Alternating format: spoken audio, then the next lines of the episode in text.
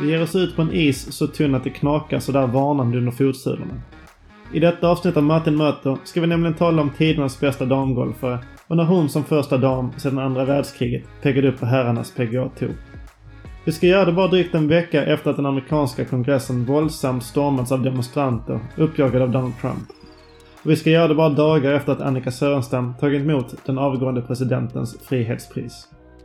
Kritiken har varit massiv. Skulle hon markerat och sagt nej? Eller går det att skilja på idrott och politik? Nej, detta är ingen podcast där vi tar ställning för vad som är rätt eller vad som är fel.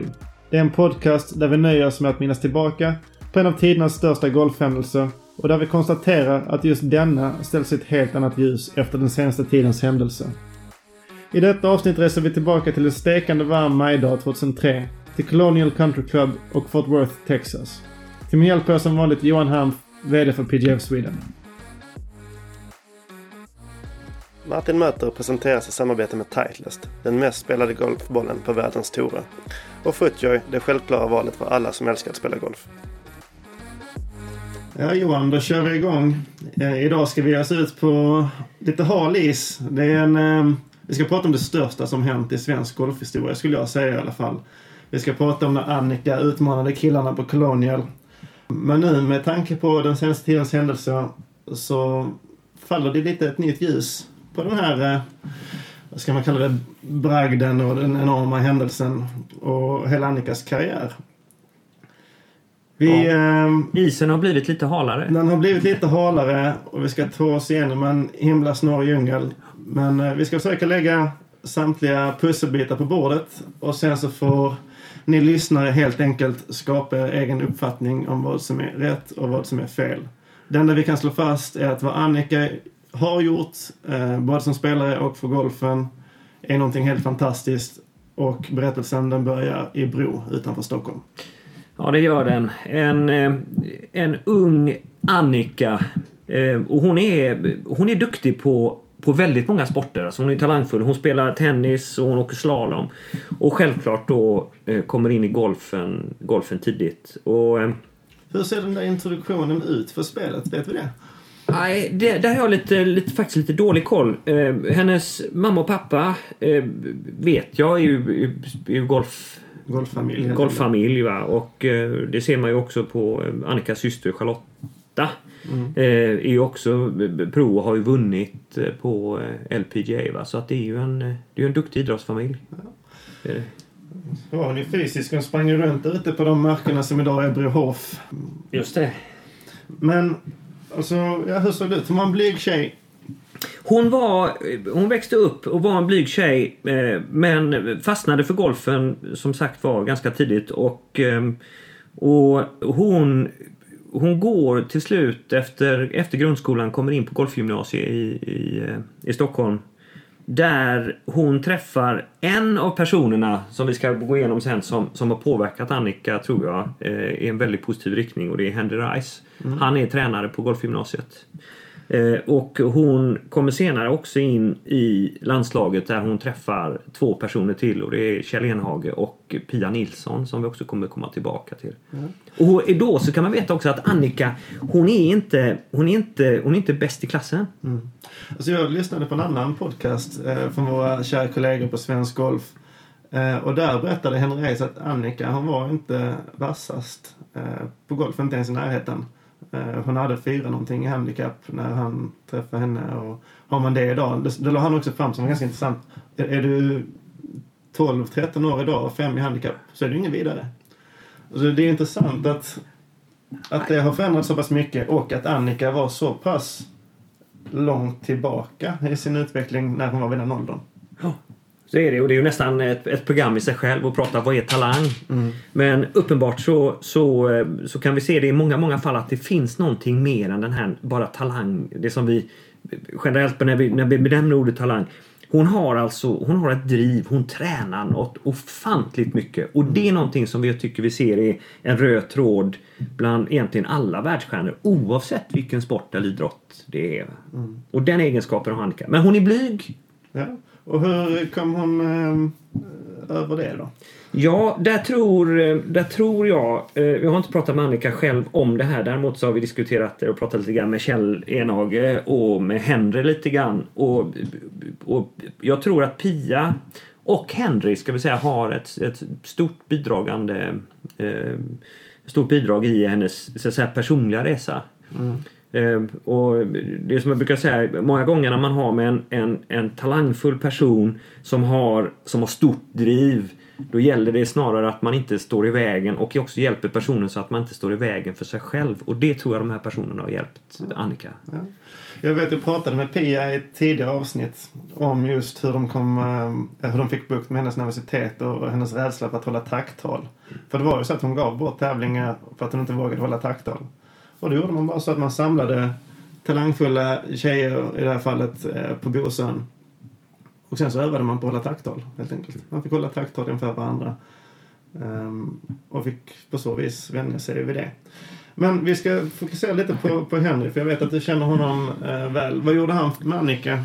Ja, eh, Henry eh, är en av kanske våra bästa och mest då erkänt duktiga tränare. Och vad som gör Henry lite unik det är att han han, är, han har en personlighet han är, som, är, som är lite low key.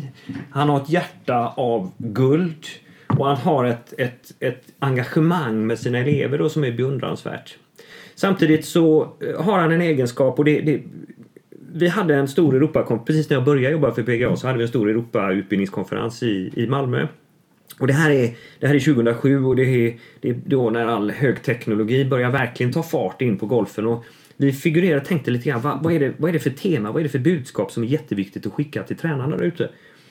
Och det mynnade ut i att vi satte temat till bli aiming to simplify. Alltså få saker och ting att bli enkelt. Och det är egentligen en av de svåraste konsterna i, i tränarskapet eller coachskapet. Det är faktiskt att koka ner det och göra det enkelt. Och där är Henry alltså otroligt kompetent. Mm. Um, jag läste någonstans att när Annika var på college så um, de tyckte inte riktigt om hur hon svingade då. I och med att hon tittade på målet när hon träffade bollen.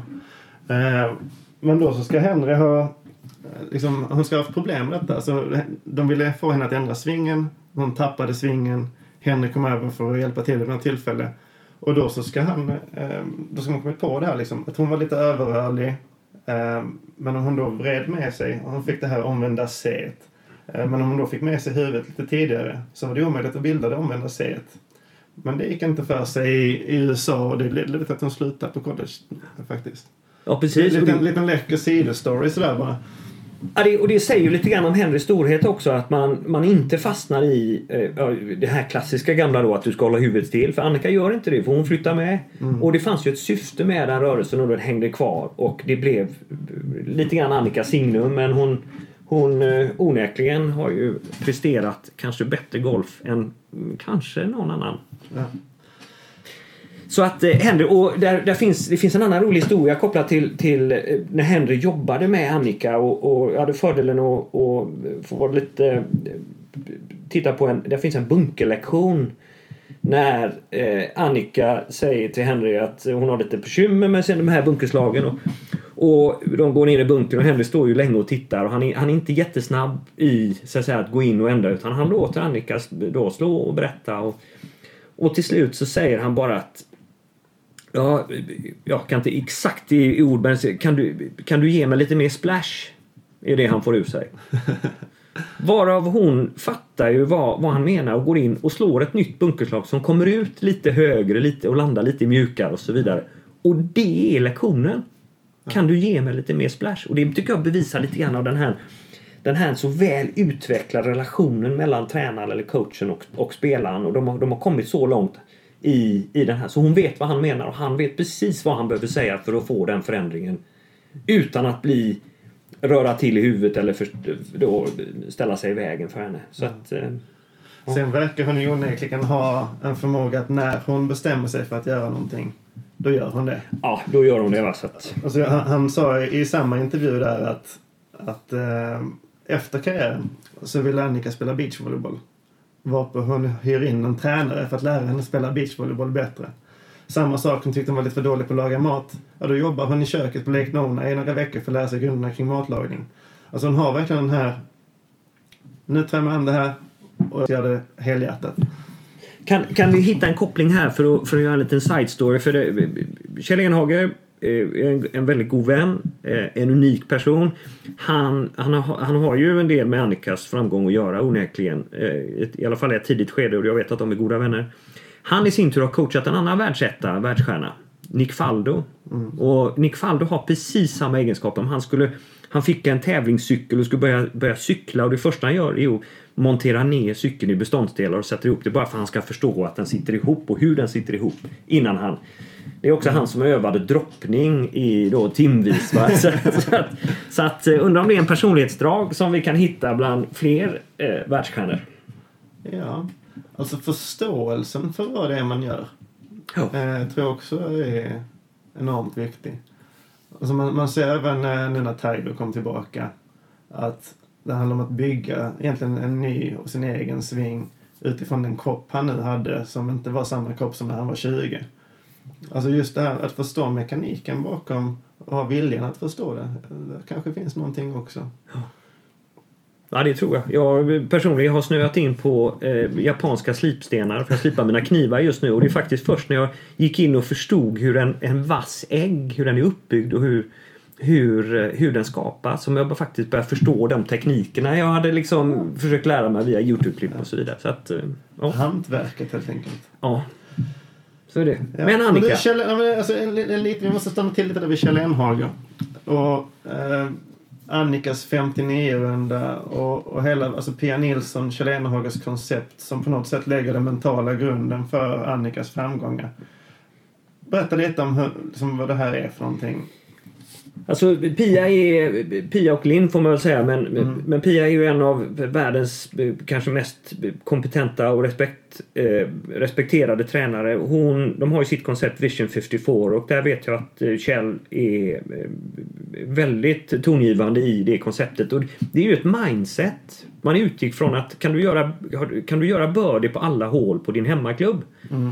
Vilket då de flesta duktiga spelare har gjort fast vad är det som säger att du inte kan göra det i rad och sätta ihop det? Och det skulle då skapa en, en score 54 vad det mm. gestaltar. Så det, det är ju ett mindset som, som, eh, som hela konceptet bygger på. Det, och det, där blev ju Annika eh, hon blev exponerad för den här, det här tankesättet och hur man, hur man jobbade tidigt i sin karriär och det tror jag har haft en stor inverkan på henne. Mm. Ja, hon spelade ju som bekant ganska bra golf även innan hon kom till Colonial. Eh, nu har jag inte exakt koll på hur många vinster det hade blivit fram till dess och, och så men hon var ju överlägsen världsetta eh, och enormt hypad eh, sådan. Sen så, alltså hur idén föddes kring att, eh, att de faktiskt skulle möta herrarna. Har du koll på den? Eh, både jag, det ska bli roligt att se vad, vad, du säger, men jag, jag, jag ser ju en Annika som är, hon är bäst i världen. Hon är, alltså motstånd, alltså för, för henne att gå ut på en LPGA-tävling till en major, det var som att spela, spela en, ja för mig kanske då, eller för oss, en, en, en, vet, en fritidsrond, möjligtvis en, en onsdagstävlingsrond. Mm. Så hon, och det säger ju också om henne som person, utan hon, hon, hon vill ju utmana sig själv, hon vill bli bättre. Och genom att ta det här steget så, så, så hamnar hon i en ny situation. Så det var, eh, mm. det, och det fanns en plan bakom, det kommer vi tillbaka till. Men det, ja. det, det är min bild. Ja, alltså nu vet jag inte om det här går lite emot Alltså, man har hört flera olika sanningar men en, en väldigt intressant grej som jag har snubblat över i min research det är en eh, presskonferens som Callaway höll på Bay Hill. Eh, och den var ju liksom för att lyfta fram Annika ännu mer, sälja mer damklubbor, tjäna mer pengar såklart. Men där var det rätt så många eh, ganska kända journalister. Ehm, och samtidigt så var det en PGA-instruktör, dam, som hade kvalat in till en annan, eh, alltså en PGA-tävling för herrar och vunnit den. Så då frågade jag honom journalisterna, nu när du är så överlägsen bland damerna, är det inte dags att utmana herrarna? Varpå Annika spontant slänga ut sig. Yes in a heartbeat. Och då blir det liksom det här klassiska Yes in a heartbeat-citatet. Och liksom, ja, det snurrar ju på något vansinnigt. Och när, när hon och eh, agenten Mark Steinberg, är det han heter va? Ja, Steinberg, samma som Tiger. När de går ut ifrån den här presskonferensen på Bay Hill och står på parkeringen där. Då är liksom, ja, han är ju helt till sig. Han bara, förstår du vad du har gjort? Förstår du vad du har gjort? Och frågan är ju om Annika hade förstått vad hon hade gjort när hon skapade den här enorma uppståndelsen som skulle komma att bli. Nej, den är, den är spännande. Och ja, sen så snackades ju och det tränades och det förbereddes och de höll på. Hur ser du på förberedelserna, alltså Annikas förberedelser inför vad som komma skulle? Alltså, hon, det som vi sa förut, hon tar ju sig an allting så minutiöst. Alltså det här är ju en del av någonting mycket, mycket större. Mm. Jag, jag har ju fastat och jag, jag har pratat med Henry om det här kort. Va? Det, det är, jag, jag tror inte att det är i Annikas eh, sinne att det här var en mediagrej. Det fanns ju flera spelare som uttryckte det i den riktningen då. Eh, utan det här hade ett tydligt syfte i en större plan. Så hennes mm. förberedelserna det var verkligen att förbereda sig på det bästa sättet. Troligtvis väldigt mycket samma som hon gör för alla sina, sina, sina framträdanden på, på, aren, på golfarenan. Eh, och eh, jag, jag, jag har så svårt att tro att hon gör någonting väldigt annorlunda. Mm. Däremot, alltså framförallt stunden vid första tee är ju det är ju det, det är ju syftet nästan. Mm. Ja, alltså man har ju hört hur nervös hon var kring det. Att hon knappt kunde pegga upp bollen och så. Vi ska komma dit eh, alldeles strax. Men jag tycker ändå, du nämnde att eh, det var flera spelare som inte pratade så väl om den här, eh, vad ska man kalla det? De kallade det jippo. Jag vill inte kalla det ett jippo. Men eh, för mig handlar det liksom om att föra samman golfen. Alltså det, få damgolfen att närma sig herrgolfen. Sen så kan man ju se det på väldigt många olika sätt. Alltså, eh, kan damer hävda sig mot herrar? Det, det, finns så många olika parametrar. Och det var ju det som triggade. Alltså, innan tävlingen så besökte en Jay Leno show. Alltså, det säger rätt mycket om hur stort det var. Efteråt så skulle hon besöka Oprah Whitney och jag tror det var innan också, hon var i 60 minutes i CBS. Som är en, alltså, har en gigantisk räckvidd. Se, ser du någon skillnad i, i den här bly, blyga Annika och, och kanske inte den, den, extroverta mediala och, och, och, och sen hur den Annika som är efter det här? Ja, alltså jag träffade ju aldrig henne innan. Uh, så det är svårt att, jag, vet inte, jag, jag, vet inte vem hon var innan. Men hon har ju liksom, i mediesammanhang så är hon otroligt polerad. Vet vad hon ska svara och så idag. Jag har träffat henne vid ett antal gånger. Eh, ett antal tillfällen. En gång i Estland där hon hade ritat en bana där. Och ett par gånger eh, i övrigt också. Vi pratar ganska regelbundet på telefon faktiskt med intervjuer. Eh, och hon lyfte fram det här som den absolut viktigaste liksom, händelsen i sin karriär. Trots att hon vunnit 10 majors och, och 90 tävlingar totalt professionellt så är det det här som är det största hon har gjort, säger hon själv.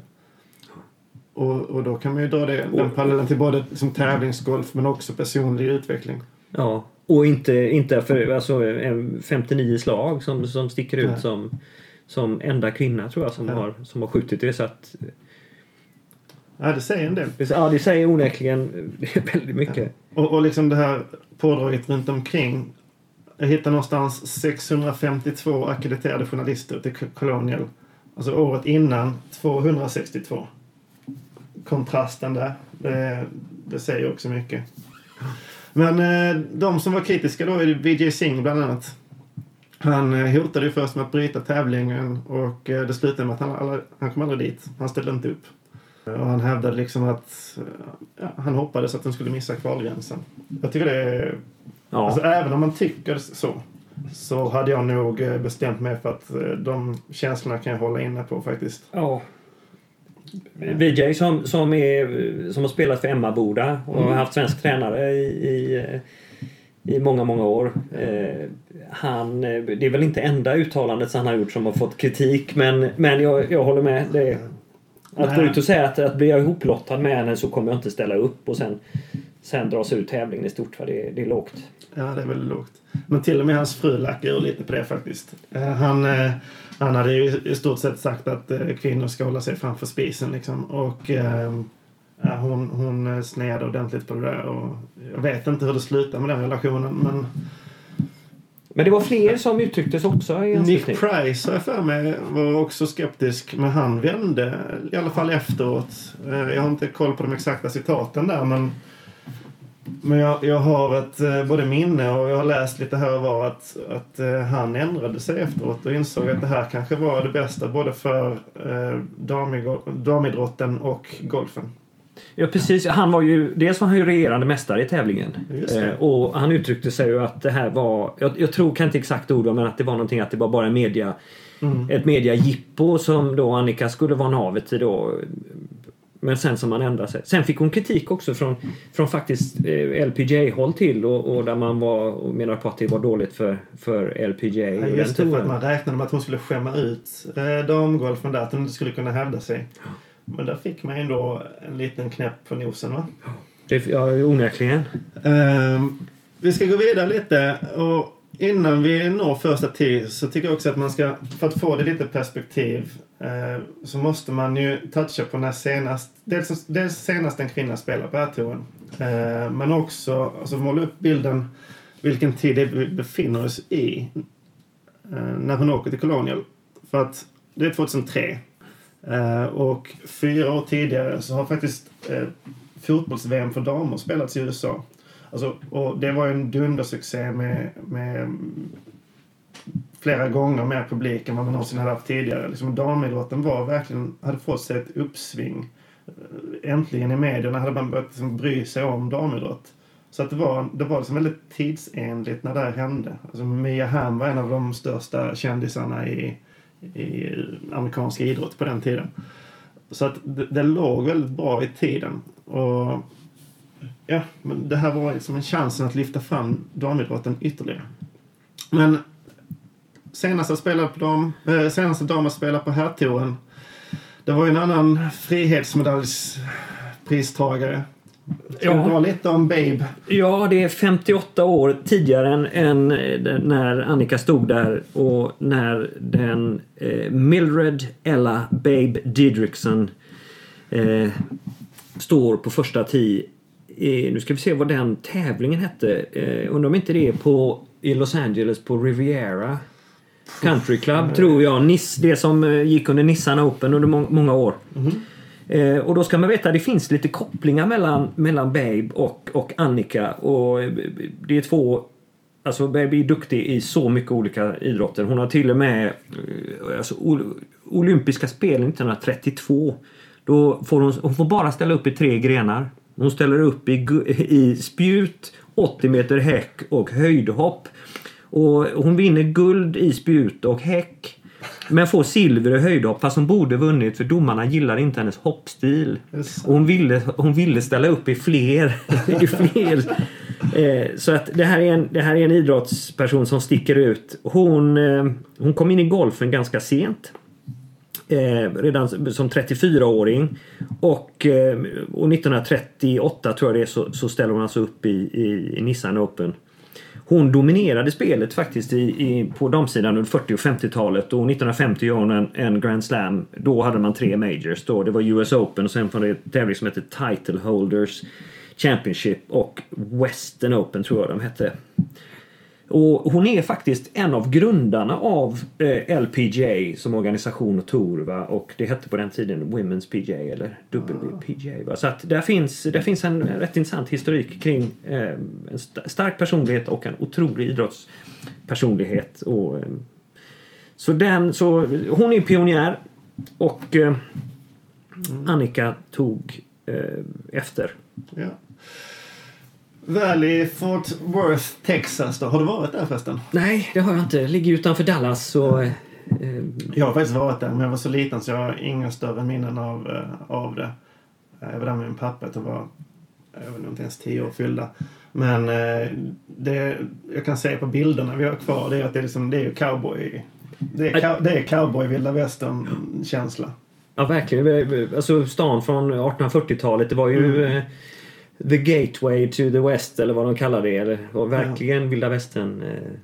Alltså det är läckert. Sen så spelade hon träningsvarv med, eh, eller ja, det gick ju sådär. Träningsvarvet, det blev ett par hål bara först med Sergio Garcia och framförallt Jesper Parnevik. Tim Clark var kanske med där på något hörn också, för mig. Jag rotade lite i liksom gamla artiklar från uppladdningen där. Och lite kul är att för Expressens räkning så var Olof Lund där. Den kända fotbollstyckaren, får vi väl kalla honom nu. Ehm, journalist såklart. Ehm, och han berättar ju liksom att eh, han har pratat med Parnevik om Annikas, eh, vad hon ska hoppas på och sådär. Och, och där säger Parnevik att, att han berättar att det har regnat mycket. Det blir bara tre hål för deras träningsrunda. Den avbryts på grund av att det regnar så mycket. Och sen så säger Parnevik att ja, banan kommer att bli mjukare för att det har regnat. Men, eh, och det, det, som det hjälper hennes chanser att klara katten. Och gör hon det, då är det bragdguldsnivå. Säger han. Lite kul är då att Aftonbladet till och med har två stycken reportrar på plats. Och det är Thomas Tinander som eh, även har varit med, många medarbetare på SVT och Peter Wennman. Eh, och de har också snackat med, med Jesper eh, och, och Annika där. De ska till ha haft en liten bett i den här träningsrundan. Där Jesper ska ha frågat hur många extra slag vill du ha till Annika? Och då har hon bara svarat att du är inte här för att bjudas på några fördelar. Så det var lite, lite läckert ändå. Sen så gav de sig ut, eh, det var, blev ett regnavbrott där, så gav de sig ut och spela senare. Ja. Jag, jag vågar inte svära på hur det har gått men hon ska ha hoppat mellan några bunkrar och slagit en hel del bra slag också. Men eh, nervositeten ska vara påtaglig i alla fall. Då är vi väl på tävlingsdagen va? Ja. Eller någonting vi ska flika in till innan? Eh, nej, annat än att jag, jag, jag, kan bara tänka mig atmosfären på klubben. Det är sån hype kring, kring Annikas start. Eh, Tiger spelar inte den tävlingen tror jag. Nej, jag tror inte det. Men de har ju haft kontakt innan. Och alltså nu, det här är en lite så osäker uppgift de har hittat. Men de ska träna tillsammans också. Och att han ska ha kommit med den här inputen att eh, Annika borde chippa med mer loftade klubbor. För att ruffarna på herrtouren är lite tjockare än på damtouren. Och då behöver hon lite mer höjd i, i närspelslagen. Men, men den, den låter vara lite obekräftad. Och det, och det, kan vi komma till. Ruffen är, när jag tittar på Annikas första runda som, eh, som vi kan kommentera. Så de två bogey som gör är efter två stycken ruffbesök. Mm. Ehm, men tillbaka till tävlingsarenan. Det är Colonial Country Club tror jag det hette. Ligger ju... Eh, där är ju en, en, jag tror det är River Trinity. Ja. Och där är en stor tågstation som ligger närheten som jag tror att eh, skapar en hel del oljud och så vidare som kanske då stillar den här, eh, möjligtvis en del nervositet. Men jag kan tänka mig utifrån de andra spelarnas perspektiv att, de, att man hamnar lite grann i skymundan. Och det kan ju vara skönt i mm. vissa fall att, att mediebelysning och, och hypen hamnar någon annanstans. Alltså, sen så är det några grejer som jag kan höja på ögonbrynen lite kring. Alltså det är ju hur andra hanterar hennes närvaro kring det. Alltså för det första så måste hon ha känt sig extremt ensam. Hon var ju ensam i damernas omklädningsrum. Alla andra var i herrarnas omklädningsrum. Bara den, det är jag mot världen-känslan som det skapar är ju jobbigt i sig. Eller kanske man använder till sin, till sin eh, att kan, kan trigga någonting. Men i alla fall, man blir ju utpekad på det sättet. Och sen så på typisk Annika man är då ska hon ha smitit in bakvägen. Eh, snarare än att gå genom huvudentrén. Alltså, där har vi den där lilla blygheten som på något sätt fanns kvar där i alla fall. Men sen så har hon ju två spelpartners som jag tycker verkar ha agerat eh, helt fantastiskt faktiskt. Just det. Eh, var hon uttrycker att, eh, att, eh, nu ska vi se vad, vad, vad de hette. Det kan, det kan du. Eh, Dean Wilson heter den ena. Um, Aaron Barber heter den andra. Det som Aaron Barber ska ha gjort uh, är att han har gått och köpt, det fanns några små, eller inte små men vad heter de, uh, brickor liksom som man kan sätta på sin tröja. Uh, och där fanns såna upptryckta, som, där stod Go Annika. Så han gick in i, i shoppen och köpte en sån och satte på sin tröja innan han gick ut. Och sen ska han ha lagt armen runt Annika och sagt liksom, nu gör vi det här tillsammans. Hon kanske inte kände att de gjorde det tillsammans. Men det är ändå den här stöttande gesten, den gillar man ju. Och det här är två, två rookies på touren. Och jag, om Annika själv är det som uttryckte sig men att, att framförallt då Barber var som en bror för henne under Mm. två dagar. Va? Att det, var, det Jag skapades en tycker det är fint alltså. Dan Wilson, han hade liksom... Han hade mest spelat på den japanska touren. Han var en nobody. Och Aaron Barber, han hade förvisso varit proffs i åtta år, men han hade inte tjänat en slant till bara några veckor tidigare. Så att det var, även de hade ju, de hade det tufft på touren liksom. Ja. Så jag tror på sätt att de kände att vi, ja, vi gör det här tillsammans. Jag tror faktiskt de kände så. Så det känns som att nästan ledarboll och, och inte van, van vid det. Ja, de kanske var ännu mer nervösa än det kan vara. Men till när vi närmar oss nu första tio och det här liksom det här, det här mo- alltså stunden som Annika nu har, har tränat för och förberett sig för vidare. Va? Så, så då, när man betraktar hennes kroppsspråk och hennes ögon och så vidare så är det klart att hon är nervös. Hon, hon kommer upp, hon blir blir lite extra av starten då eh, påannonserad och det är publiken då som står på bägge sidor. Det är framförallt en läktare på vänstersidan och Tiva. Hon, hon vänder sig först höger och vinkar, sen vänster och vinkar. Och hon, hon, är, hon är stressad. Du, du ser det i kroppsspråket.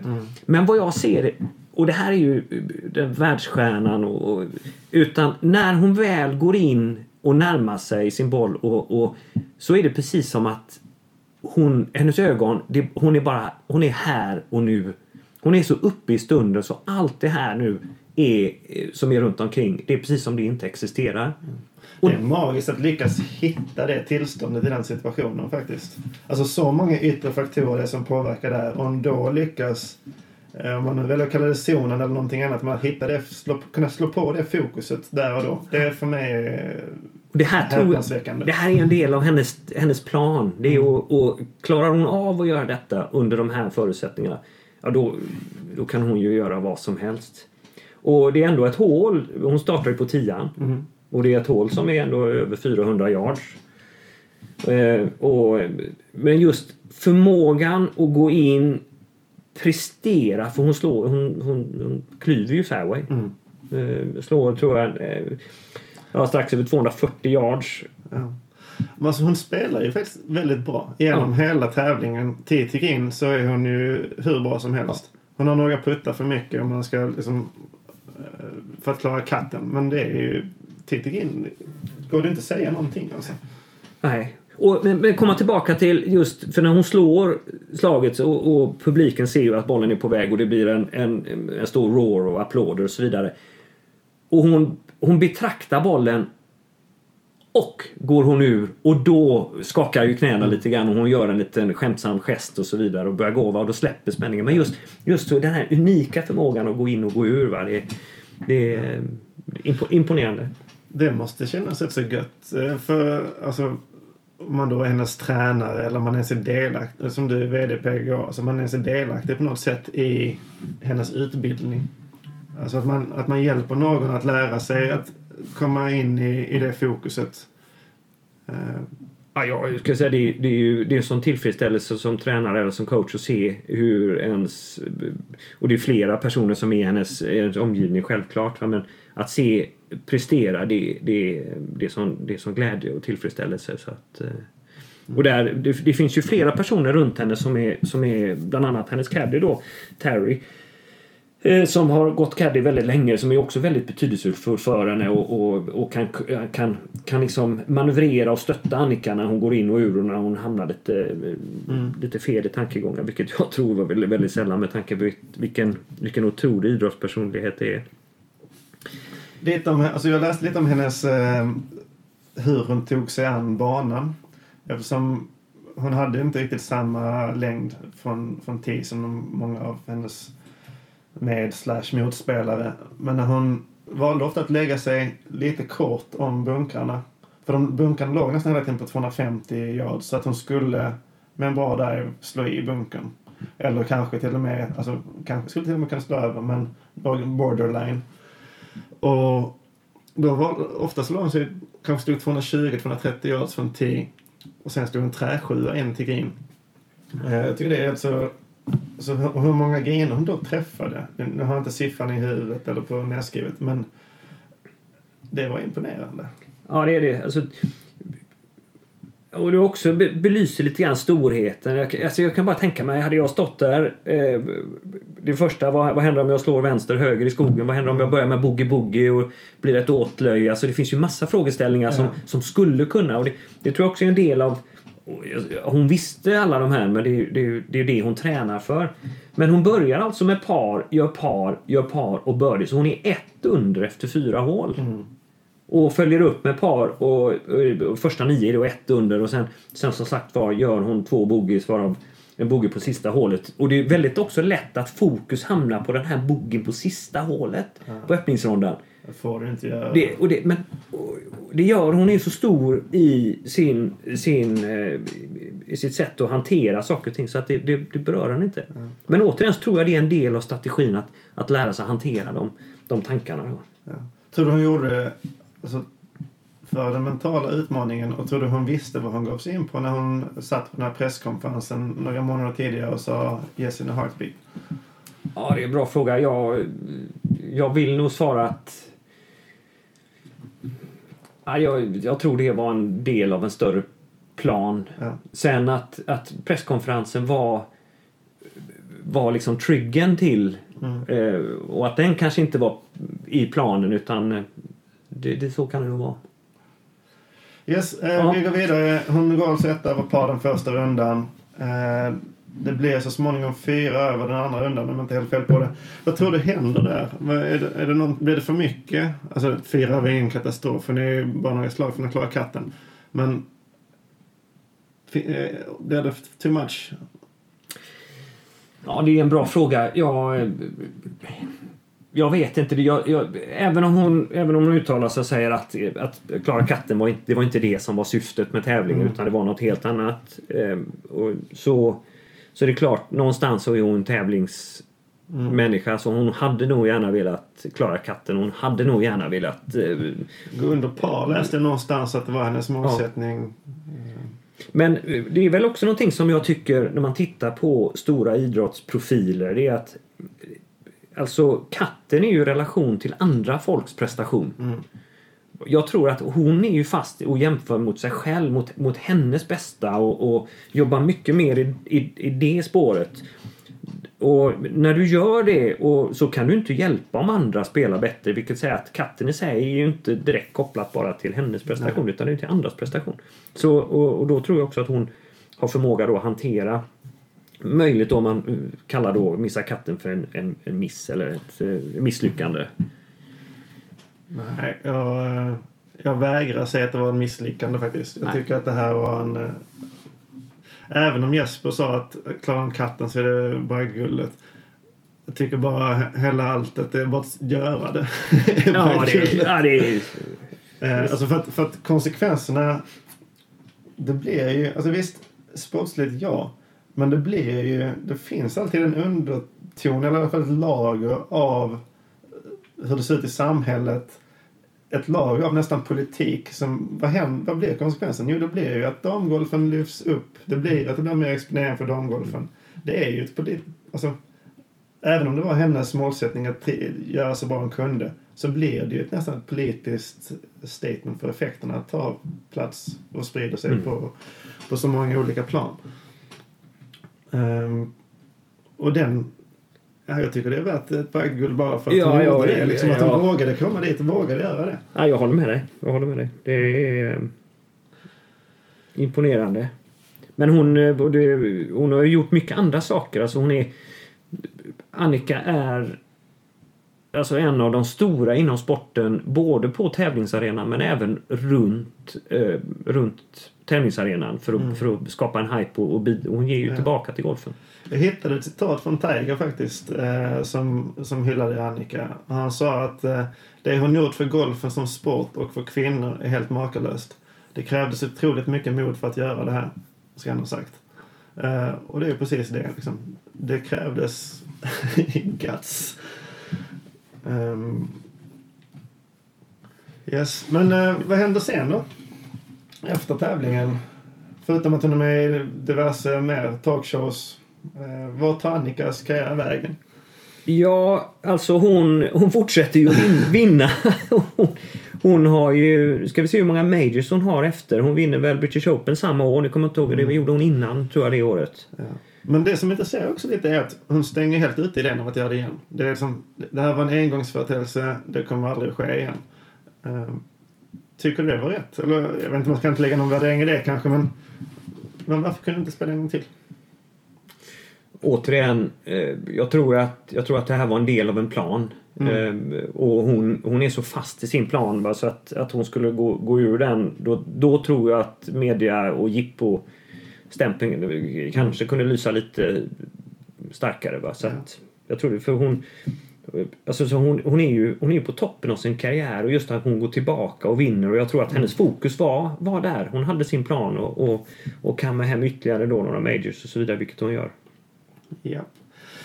Eh, efter karriären då?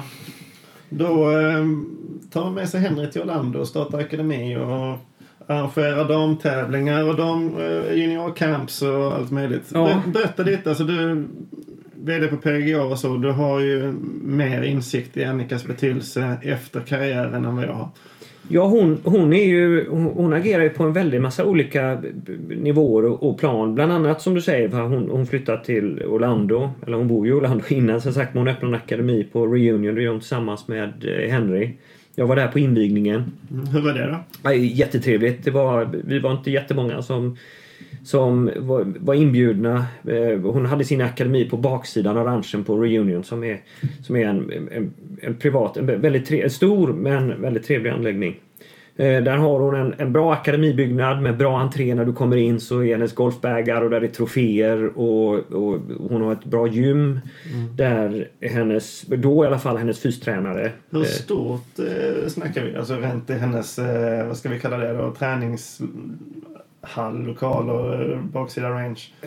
Ja, alltså det är som ett, eh, som ett, ett medelstort bostadshus, höll jag på att säga, i, i, i entrén och faciliteter. Men sen finns det lite omklädningsrum och det finns två stora studios.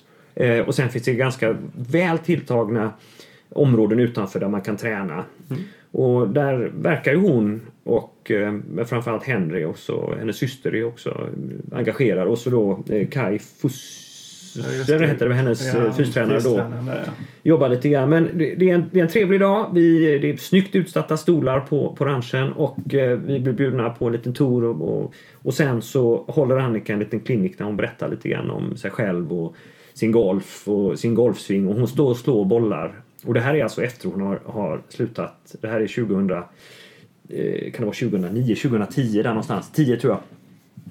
Eh, och hon slår ju bollen så bra så att mm. eh, är, vi bara sitter och, njuter av det ena efter det andra. Det skrämmande är, alltså jag har sett henne slå i någon eh, av hennes eh, juniorcamps, jag tror det var på Bokskogen. Eh, hon slår ju skrämmande bra fortfarande. Alltså ja. det, här, det här var, kan det vara, två, tre år sedan. Och det är liksom på en nivå som, ja, man tror inte det är sant när man ser det. Och då har hon inte spelat särskilt mycket. Inte trä alltså, nu tränar hon igen för att kanske göra en comeback på seniortouren. Men... Uh, ja. I slutet på sin karriär så var hon ju väldigt engagerad även i tävlingsgolf. Eller redan då är engagerad i tävlingsgolf. Eh, för hon, vi hade ju en Europatour-tävling här som hette Scandinavian TPC, hosted by Annika. Som hon eh, snyggt vann själv de första två åren, 05-06. Eh, spelade 07 då, men sen i sitt, på sitt avskedsår kan vi säga när hon la ner eller la klubborna på hyllan 2008 så spelades tävling på Frösåker och jag kommer ihåg eh, Annika eh, jobbade ju faktiskt på PGAs kansli en gång på 80-talet och, eh, som, och hjälpte till i receptionen och pratade, svarade i telefon och så vidare. Jag tror att det är det, är, det, är det som är skill, gör skillnaden i hennes liv. Hon Allt telefonsvarande gjorde att hon tappade blygheten. Ja, överkom men och, vill lyfta fram att Annika är hedersmedlem i PGA och i anslutning till tävlingen 2008 så arrangerade vi en jag kan säga inte en avskedsfest, en hyllningsfest på Stadshotellet i Västerås. Och då har Annika eh, precis eller, träffat sin nuvarande man Mike McGee. Och eh, jag kommer så väl ihåg, vi bjuder in lite personligheter från sven, svensk ja, från Golf-Sverige och personer som hon har varit betydelse genom hennes uppväxttid. Det är, det är landslagscoacher och landslagsspelare och, och vi, det, är en, det är en familjär tillställning. Kjell Enhag är, är, är konferencier eller moderator och vi, vi gör eh, lite roliga saker med Annika och, och hon, hon trivs. Men det roliga är att se Mike i det här som, som en liten eh, nykär eh, pojke springer omkring med videokamera och dokumenterar den här tillställningen i bankettmiddagen på, på Stadshotellet. Var, var roligt. Ja. Vi ska ju landa lite i det där med alltså, vilken effekt hennes inverkan på golfen har haft också. Så jag kommer att tänka på det med när vi hade tre stycken svenska amatörer som gick så himla bra i US Open. Eh, alltså betydelsen Annika haft för dem måste också vara enorm. Vad Annika betytt som, som inspirationskälla för andra unga Eh, golfspelare. Jag, alltså, vi kan ju backa bandet för en ung Anna Nordqvist. Hon är 10 år gammal och sitter och tittar på den här stunden Annika ska slå ut på Colonial. Va? Och eh, det har varit en, en, en viktig händelse i hennes liv. Och jag, jag vet att det här är någonting som alla golfare har någon form av relation till. Jag pratade igår kväll jag pratade med min kära sambo som också är golftränare. Hon, hon kan komma ihåg precis vad hon gjorde den stunden när, eh, när hon slog ut. Mm. Alltså, det är härligt att, att höra. Och, alltså, det är ju även så med Annika att allt det arbete hon har gjort efter karriären, alltså med Annika Cup och Invitational och, och eh, akademi och så vidare. Det handlar ju om att, till och med hennes eh, gästspel på Herrtouren handlar ju om att vara inkluderande, att locka nya människor till golfen. Eh, tjejer till golfen som golfen har svårt att locka till sig tidigare därför så blir ju kontrasterna jättestora när hon sen tar emot frihetsmedaljen från Trump där det handlar om demokrati och, och där han dessutom är anklagad för att ha sexuellt förgripit sig på över 20 kvinnor. Um, hur kommer man runt det där? Alltså... Ja, försöker undvika att lägga för, för mycket politiska värderingar i det här men det, det, är klart att det finns många problem kopplat till det här. Eh, jag försöker ju så gott alltså, belysa hennes, hennes idrottskarriär som är alltså sticker ut och är inte bara i golfen ett av de absolut största utan det jag skulle säga i idrottshistorien. Mm. Eh, en av de största personligheterna. Eh, så att, eh, ja, jag försöker fokusera på det. Men det är klart, jag, jag, tänker på golfen som, som företeelse. Den bygger ju lite grann på honesty and integrity och golfen har, tycker jag, ett, ett jättesyfte i, i en, en omvärld som kantas av ja, mm. allt ifrån Trump till, eh, till man fuskar och så vidare. Jag har ju, som du vet, jag har ju spelat golf med Trump och jag delar inte varken hans moraliska eller etiska värderingar och hans hanteringar. Men han fuskar när han spelar golf och det är inget jag står för. Mm. Alltså just med de här värderingarna som golfen bygger på så blir det ju ännu mer intressant. Alltså de här dilemmana golfen faktiskt har med att man åker till Saudiarabien och spelar tävlingar. Det är mycket sponsringspengar och, och spelare som lockas dit för stora pengar. Det känns lite i de sammanhangen ibland som att man tummar på sina värderingar. Känner du igen det? Ja, alltså det klassiska är man, man kan titta, gör man saker och ting på kort sikt eller lång sikt och, och att man också förstår konsekvenserna av sina handlingar. Men jag, jag tror själv att om man gör saker och ting för den goda sak, för rätt saker och man har ett, eh, en god ambition så, så, så ökar chanserna att det blir bra. Och det finns, det finns så många olika aspekter på de här sakerna och eh, jag, jag vill nog gärna tro att i, i, i de flesta fall så finns det ändå ett, en, en plan bakom varför man gör vissa beslut. Det är klart att man kan, man kan ta ut enskilda isolerade saker men, men i stort Mm. Det är en väldigt komplexa fråga. Va? Så jag, jag, försöker... När det kommer till de tävlingarna i, i Mellanöstern så gömmer man sig ofta bakom att man vill, man vill ju minska klyftorna som finns i de här länderna. Att det är därför man gör det. Man vill öppna spelet för fler eh, nya spelare som då eh, kanske finns i, i Mellanöstern. Eh, samtidigt är det ju en himla svår balansgång. Jag tror, återigen, jag tror man måste, man måste lyfta ut och titta det ur ett, ett bredare perspektiv och, och, utifrån det sätta tillbaka det i ett sammanhang så man inte bara tittar på en enskild men... Sen så finns det personliga, alltså nu när jag är tillbaka på Annika och, och, Trump här. Det finns ju personliga anledningar till varför man tar beslut också. För det första så, så det går ju att säga att man ska skilja sport och politik även om det är väldigt svårt. Så hon förtjänar den här medaljen, tycker jag i alla fall. Alltså det hon har gjort för golfen eh, och för samhället i stort gör att hon förtjänar den medaljen. Eh, sen kan ju, alltså hon, hon har visat att hon sympatiserar eh, med, med Trumps, vad ska man säga, åsikter i vissa fall. Hon har röstat på Trump. Eh, maken Mike McGee är tydlig Trump-supporter. Eh, och skulle Annika då, alltså om, om McGee är en superfan av Trump, skulle Annika då säga nej till den här medaljen så kan det ju faktiskt i förlängningen vara så att hon riskerar sin, sin relation. Så att, eh, ja, det, där kan man, det där kan man nysta i hur länge som helst. Jag tror aldrig man kommer få några vettiga svar. Nej, så är det. Det är, det, det, det är komplexa frågor.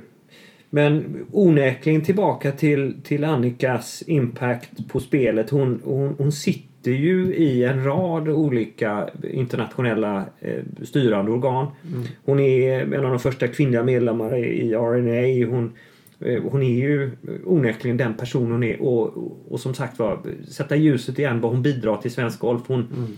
i juniorgolf. Hon, eh, vi har ju ett år nu med, med Scandinavian Mix där hon och, och Henrik eh, stöttar och ställer sig bakom ett litet unikt event som kommer. Och, och eh, nej, hon, hon engagerar sig, denna lilla från början blyga flicka ifrån Bro utanför Stockholm. Det, Från blyg flicka från Bro till att vara kanske ja, en av världens mest kända kvinnliga idrottare någonsin. Ja.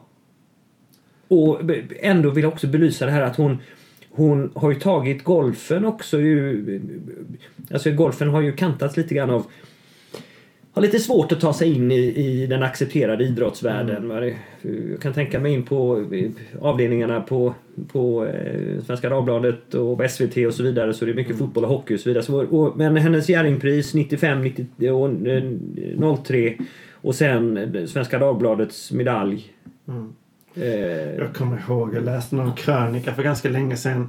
Eh, där krönikören hävdade att eh, golflobbyism hade liksom eh, tagit sig in på Svenska Dagbladets redaktion och, så vidare och så vidare. Det var en ganska komisk läsning så här i och det, det, 20 års efterhand. Liksom. samma diskussion som hände efter eh, eh, hästhopparen. Eh, Ja. hoppan. eh, Peder Fredriksson. just det. Ja. Att, eh, men det visar ju också på styrkan i golfen, om det nu är så. Att, Mm. att, att golfen sluter upp och att det finns liksom en, en positiv våg i, i, i, golfrörelsen i stort. Va? Så att, eh, men, eh, ja. Annika. Jag tror nog ändå att eh, hon kommer alltid att bli ihågkommen som, som den som gjorde de rätta sakerna. Sen så kan vi hoppas att man sätter en liten parentes runt det som skett de sista veckorna. Och Frågan om vi tittar framåt. Tror du hon gör comeback? Eh, absolut. Jag är, alltså hon har sagt det till mig till och med att hon ska... Hon siktar nog på Women's Seniors Open. Är det som man säger? US Women's Seniors Open. Lite, lite omständigt namn där men eh, jag tror hon kommer att tävlingsspela igen. Jag tror inte att hon kommer att spela på LPGA-touren men jag tror hon kommer att spela på seniornivå. Kommer hon göra intåg på herrarnas seniortour? Det hade varit coolt. Du har lyssnat på Martin möter och avsnittet om Annika mot killarna och vägen till presidentens frihetsmedalj. Har du åsikter eller frågor så tveka inte om att kontakta mig på martin.hardenberger.expressen.se Du kan också komma i kontakt med oss via sociala medier som Instagram, Facebook och Twitter. Vad vi pratar om nästa gång, det blir en överraskning. Till dess, svinga lugnt och ha det så bra.